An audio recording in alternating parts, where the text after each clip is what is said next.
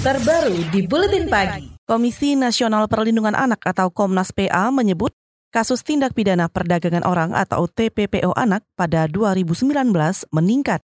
Ketua Komnas PA Aris Merdeka Sirait mengatakan, Januari hingga Juni terjadi peningkatan sekitar 20-an persen dibanding bulan yang sama di tahun lalu. Kami aja terjadi peningkatan antara 20 sampai 28 persen. Misalnya di Januari sampai Juni itu kita mendapatkan laporan 112 kasus. Nah dibandingkan kalau di satu tahun di 2018 itu kita mendapatkan laporan itu sekitar 420-an. Ketua Komnas Perlindungan Anak Aris Merdeka Sirait juga menyebut Modus yang dilakukan pelaku perdagangan anak kebanyakan masih menggunakan sosial media untuk menjaring korban.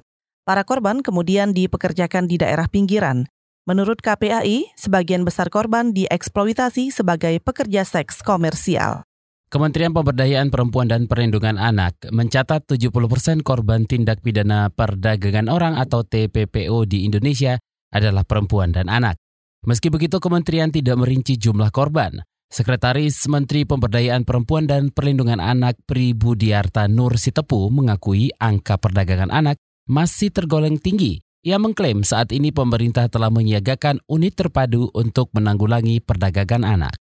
Nah, kalau untuk bentuk penanggulangan atau bentuk penanganan, itu sebenarnya kami sudah ada P2 TP2A yang basisnya itu adalah basis masyarakat, yaitu ada di 34 provinsi dan 250 kabupaten kota. Ada juga yang bentuknya berupa UPTD, unit penanganan terpadu yang punya daerah. Sekretaris Menteri Pemberdayaan Perempuan dan Perlindungan Anak Pri Budiarta Nur Sitopu menjelaskan masih terdapat pandangan soal tugas perempuan hanya sebagai ibu rumah tangga Pandangan tersebut menurutnya menjadi pemicu utama terjadinya TPPO dan kekerasan seksual.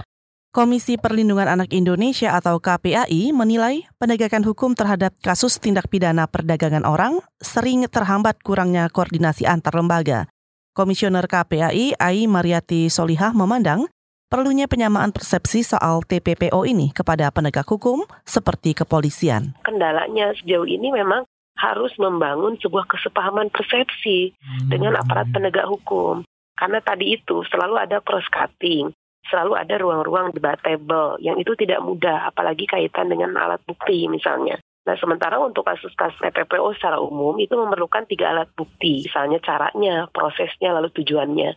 Anggota Komisi Perlindungan Anak Indonesia, Ai Mariati juga menambahkan, Penegakan hukum sesuai Undang-Undang TPPO tidak harus mencangkup tiga alat bukti.